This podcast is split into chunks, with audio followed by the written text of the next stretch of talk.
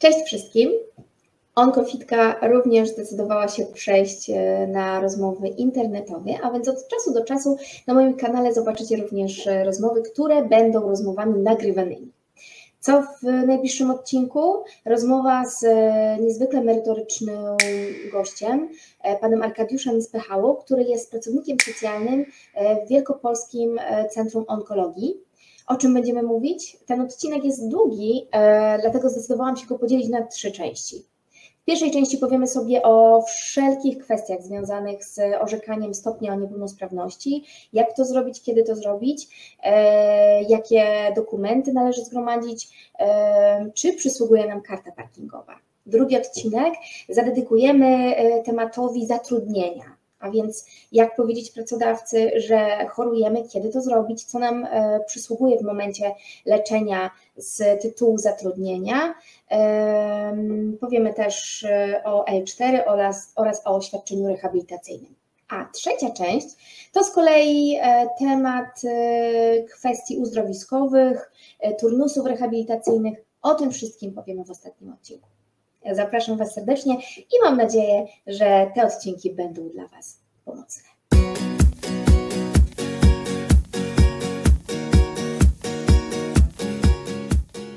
Witam serdecznie. E, moim gościem dzisiaj jest pan Arkadiusz Spychała, pracownik socjalny Wielkopolskiego Centrum Onkologii. E, szczerze się przyznam, e, że jest to mój debiut, jeżeli chodzi o taką rozmowę online, ale bardzo się cieszę i dziękuję Panie Arku, że Pan mnie w pewien sposób zmotywował, aby taką rozmowę wreszcie zrobić, bo już szczerze się przyznam, myślałam o tym od jakiegoś czasu, ale gdzieś tam się wahałam i dopiero Pan mnie zmotywował i super. E, dzięki temu możemy się dzisiaj spotkać i porozmawiać o mm, bardzo obszernym e, temacie, mam wrażenie, o którym wiele Amazonek, zwłaszcza na początku swojego leczenia, swojej przygody, że tak powiem, e, z rakiem, nie wie, nie zdaje sobie sprawy, a są to rzeczy, które naprawdę w dużym stopniu mogą nam pomóc. I stąd też pomysł, aby e, porozmawiać z Panem, e, aby się spotkać i powiedzieć tak naprawdę, e, o, jakich, o jakiej jakim zakresie pomocy, i tutaj tak nazywam tą pomoc pomocą socjalną, bo tutaj tak naprawdę chodzi o wszelkie ulgi, przywileje, które z tytułu um, zastanej choroby, diagnozy, gorszego samopoczucia, które wynikają poniekąd właśnie z leczenia, E, mogą pomóc nam e, przejść przez tę chorobę po prostu w takiej lepszej kondycji. E, I już nie przedłużając, zaraz Panie Jarku oddam Panu głos. Mm, jeszcze serdecznie chciałam podziękować za to, że znalazł Pan czas, żeby się spotkać. No i co, zacznijmy może Panie Jarku od początku, bo tak naprawdę zatrzymajmy się na tym etapie, kiedy dopiero co dowiadujemy się my jako Amazonki, że mamy raka E, czy jest już coś na tym etapie, co możemy zrobić, e, aby w jakiś sposób zabezpieczyć się, czy też ewentualnie swoją pracę, którą e, do tej pory mamy, aby w jakiś sposób no też zapewnić sobie pewien rodzaj wsparcia? Tak. Pani Lido, przede wszystkim dzień dobry. Zanim odpowiem konkretnie już na Pani pytanie, bardzo dziękuję za zaproszenie. E, i, naprawdę postaram się jak najbardziej rzetelnie odpowiedzieć na wszystkie Pani pytania. Na pewno mm, mówimy tutaj o możliwościach. Może tak to ujmę. Możliwości e, i, i pomoc e, w sytuacji kryzysowej, która się nam pojawiła. Tak naprawdę wiele zależy od tego, na jakim, jaki, jakim, jaki jest nasz status obecnie w chwili, gdy zachorowaliśmy, gdy pojawiła się choroba, pojawiła się diagnoza. O jakim statusie tutaj myślę?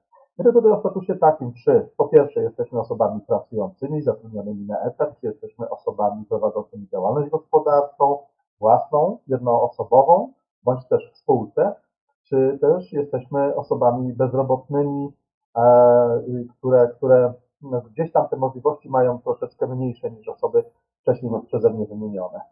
E, na pewno najważniejsze jest to, to że żeby uzyskać status osoby niepełnosprawnej i tutaj bez względu już na y, warunki, które musimy spełniać. To znaczy, jeden podstawowy warunek, który spełniamy w tym momencie, to jest choroba, która się pojawiła. Mhm.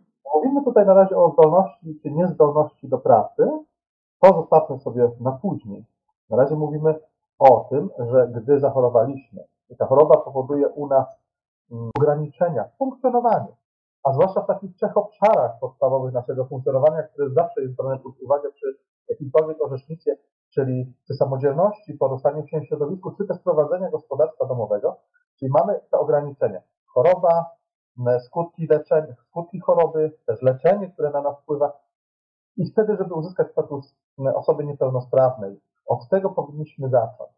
E, I co, co nam tym pomoże, te, o, te, uzyskanie statusu osoby niepełnosprawnej? W jaki sposób go uzyskać? E, najprostszym rozwiązaniem jest, gdzie nie musimy spełniać żadnych warunków, a jednym podstawowym warunkiem to jest nasz stan zdrowia, to jest uzyskanie orzeczenia o stopniu niepełnosprawności. I od tego powinniśmy, Pani Lidio, zacząć.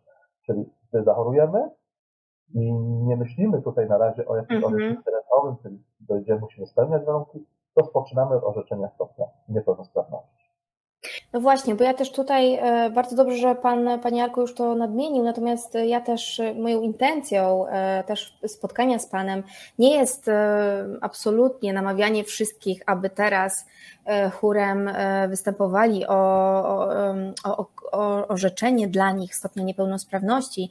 Natomiast moim głównym celem jest to, aby dać Amazonkom wiedzę, że są różne możliwości, tak? Bo jak gdyby na początku naszego chorowania, na początku informacji o tym, że e, jak gdyby zderzenie się z rzeczywistością, że chorujemy, e, no trudno nam przewidzieć, jak się będziemy czuć, tak? I warto mieć tę wiedzę gdzieś w zanadrzu, bo jeżeli faktycznie okaże się, że ta chemioterapia jest trudnym doświadczeniem, ciężko to przechodzimy, no to fajnie wiedzieć, że właśnie stopień niepełnosprawności jest taką opcją zdecydowanie dla nas.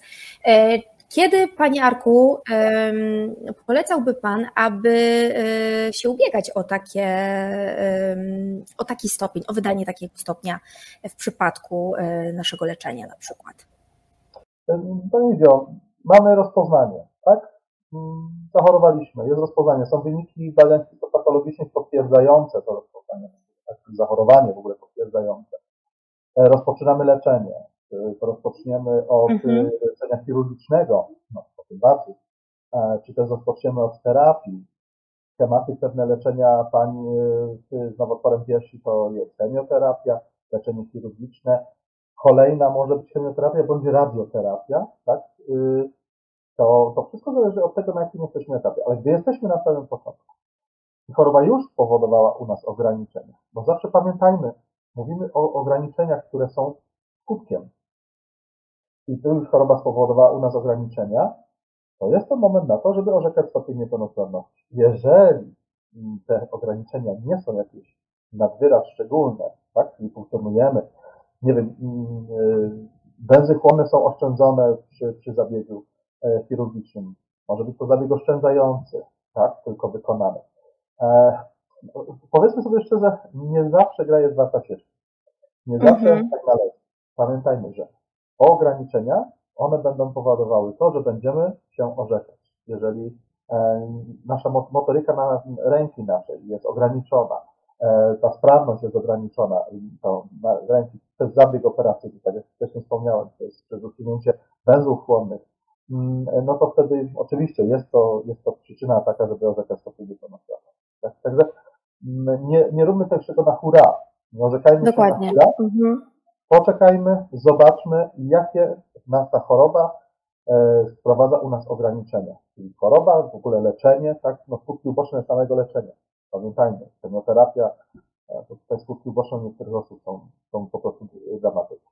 I to jest ten moment, gdy pojawią się pierwsze ograniczenia. Mhm.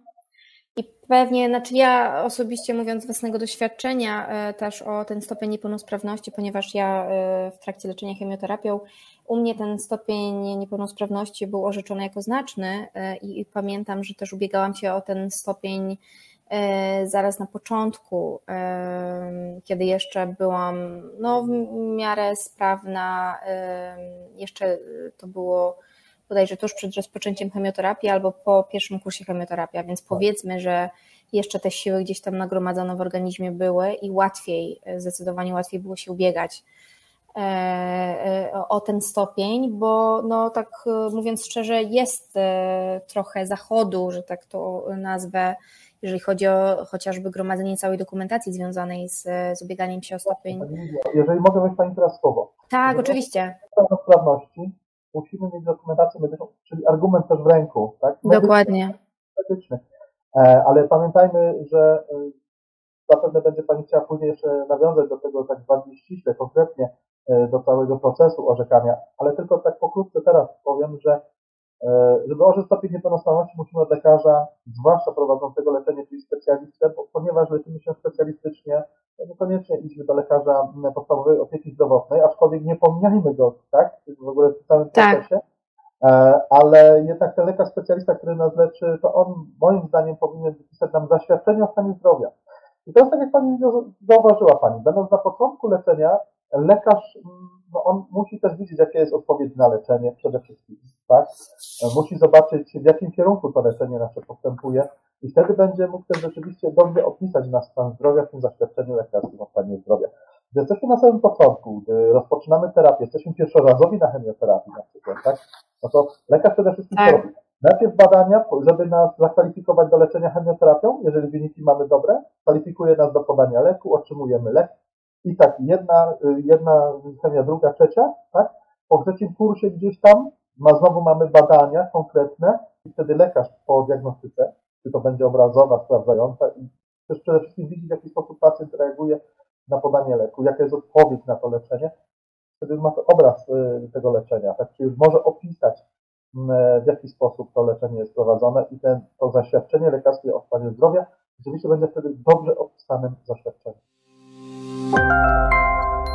Onkofitka, litka. No to Panie Arku, powiedzmy jeszcze trochę e, o właśnie e, tych uprawnieniach, ulgach, e, które nadaje nam poniekąd stopień niepełnosprawności jak to się wiąże właściwie z tą naszą chorobą? Wszystko zależy od tego, jaki mamy orzeczony stopień niepełnosprawności. To już w takim razie jesteśmy w tym obszarze, w tej tematyce porozmawiajmy o orzecznictwie pozarentowym, jak to mhm. prawidłowo powinno o tym mówić, tak? E, dlaczego pozarentowym? Bo nie jest związane z orzecznictwem związanym z ZUS-em czy też KRUS-em. I tak jak e, na początku naszej rozmowy wspomniałem, podstawowym warunkiem orzekania się jest stan zdrowia, nie okresy składkowe, nie składkowe staż pracy. W każdym razie, żeby orzec stopień niepełnosprawności, musimy wypełnić wniosek do Powiatowego Zespołu do spraw orzekania o niepełnosprawności, e, wniosek, gdzie wnioskujemy o orzeczenie stopnia niepełnosprawności i do jakich celów. Tam mamy wiele punktów e, w tym wniosku. Zazwyczaj jest ich około 10-11 punktów, w zależności od powiatowego zespołu, ponieważ rozporządzenie mówi wyraźnie, co ma być we wniosku napisane, powiatowe zespoły robią sobie grafikę własną. W każdym razie e, musimy zaznaczyć jakich celów, opisać wszystko mm, i załączyć zaświadczenie właśnie o stanie zdrowia, dokumentację medyczną. W okresie pandemii, która teraz jest bardzo często, trzeba załączyć kwestionariusz e, społeczno-zawodowy, to się tak nazywa, e, oraz też oświadczenie o miejscu naszego pobytu, jeżeli jest to miejsce pobytu inne niż miejsce zameldowania. Ponieważ mamy czas pandemii, chociaż od 16 maja mamy czas, okres zagrożenia epidemicznego, nie, nie, nie, nie czas pandemii, w każdym razie mm, zespoły orzekają zaocznie, czyli bez naszego udziału. E, przedstawiamy, do tego załączamy całą dokumentację medyczną mhm. I powiatowy zespół orzeka.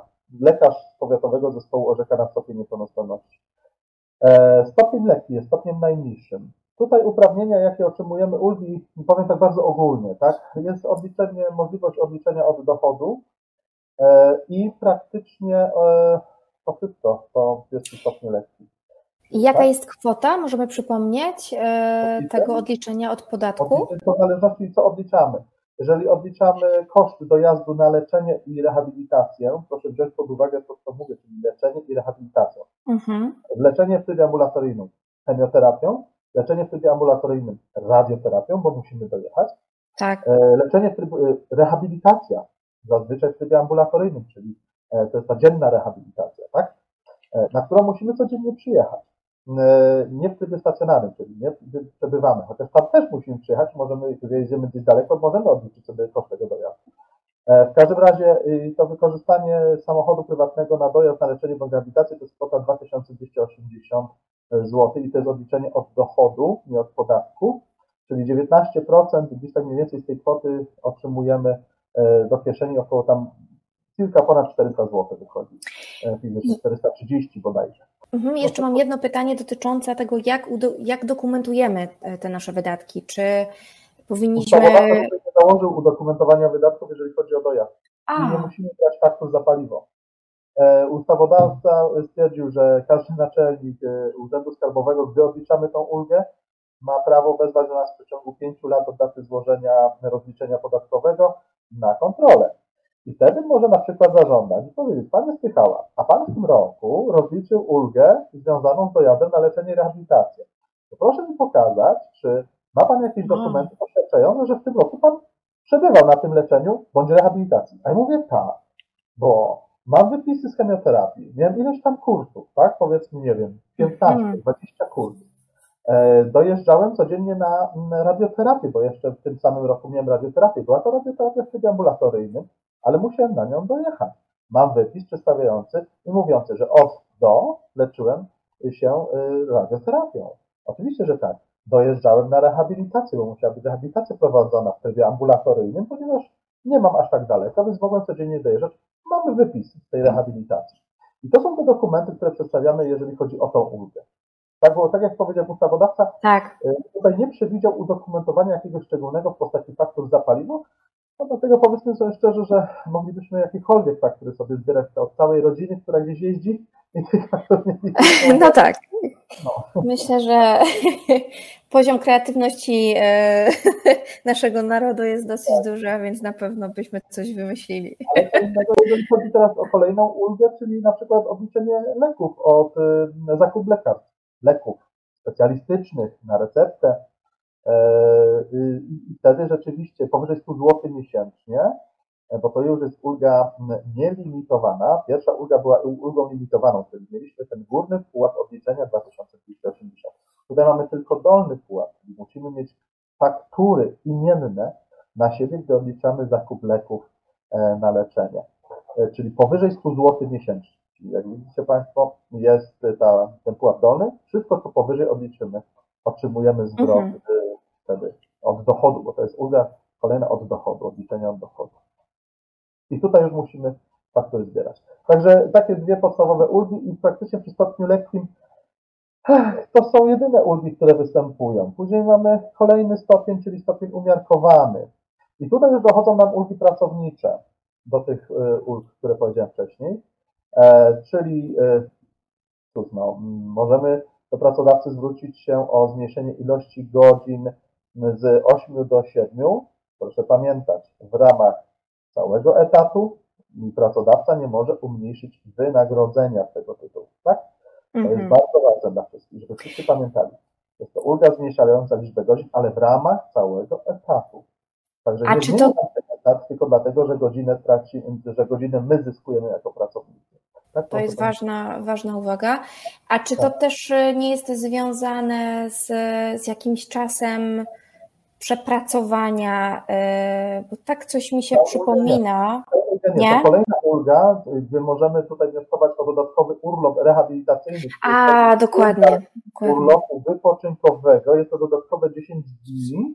Czyli powiedzmy, jak ktoś ma pełen, umiar, e, pełen wymiar urlopu wypoczynkowego 26 dni, to, to zwiększa mu się ten wymiar do 36 dni, ale tu musimy przepracować już cały rok żeby tą ulgę nabyć jako osoba niepełnosprawna. No i mamy stopień znaczny, ten najwyższy, to jest, można powiedzieć, w orzecznictwie pozaręczowym odpowiedzi starej pierwszej grupy tak. E, gdzie mamy prawo do zasiłku pielęgnacyjnego wypłacanego nam przez gminę i ulgi komunikacyjne tutaj dochodzą do tego, czyli we, właściwie we wszystkich miastach w Polsce e, komunikacją miejską jeździmy za darmo wraz z opiekunem. Proszę pamiętać, że to jest wraz z opiekunem. W przypadku y, orzeczeń związanych z chorobą onkologiczną opiekun musi być osobą pełnoletnią. E, to jest też istotne, bo są orzeczenia, gdzie opiekunem może być osoba od 13 roku życia. Ale tu w przypadku orzeczeń z chorobą mhm. onkologiczną to opiekun osoba pełnoletnia. Opiekunem jest oczywiście osoba, którą my wskazujemy, nie jest to opiekun nigdy zapisany, tak, y, żadnym aktem notarialnym, wyrokiem sądu rodzinnego, czy jakiegokolwiek innego, tylko my wskazujemy naszego opiekuna, czyli na przykład osobę, która z nami aktualnie przebywa, jedzie, jest, nam towarzyszy. Także te ulgi komunikacyjne, jakie, jakie one wyglądają? To jest tak, że my jako osoby uprawnione do ulgi przy przejazdach PKP i PKS, bo o komunikacji miejskiej mówiłem, że ona jest darmowa wraz z opiekunem, tak. ale przy przejazdach PKP bądź PKS-em my jako osoby uprawnione mamy 49% ulgi na przejazdy zwykłe, 37% ulgi na przejazdy pospieszne i uwaga, opiekun ma zawsze 95% ulgi. 95%, czyli płaci 5% e, ceny biletu. Tak to się kształtuje. I co jeszcze? No jest tam jeszcze szereg innych ulg. Oczywiście pozostają te ulgi rozliczeniowe, ulgi pracownicze, tak? Mając status osoby niepełnosprawnej, ale to mówię, to przejdziemy później, myślę, że do, do tych tematów związanych z pracą, zatrudnieniem, czy też pracą na własnej działalności gospodarczej. Także na razie tak krótko o tych ulgach, takie one przysługują do tych stopni niepełnosprawności. No tutaj warto jeszcze nadmienić również tę możliwość, w momencie, kiedy mamy orzeczony znaczny stopień niepełnosprawności, e, możliwość e, ubiegania się o kartę parkingową. Tu bym był ostrożny, ponieważ karta parkingowa jest uprawnieniem jak gdyby dodatkowym do stopnia niepełnosprawności. A co za tym idzie? E, od 2014 roku w ogóle bardzo przepisy się zmieniły dotyczące wydawania kart parkingowych.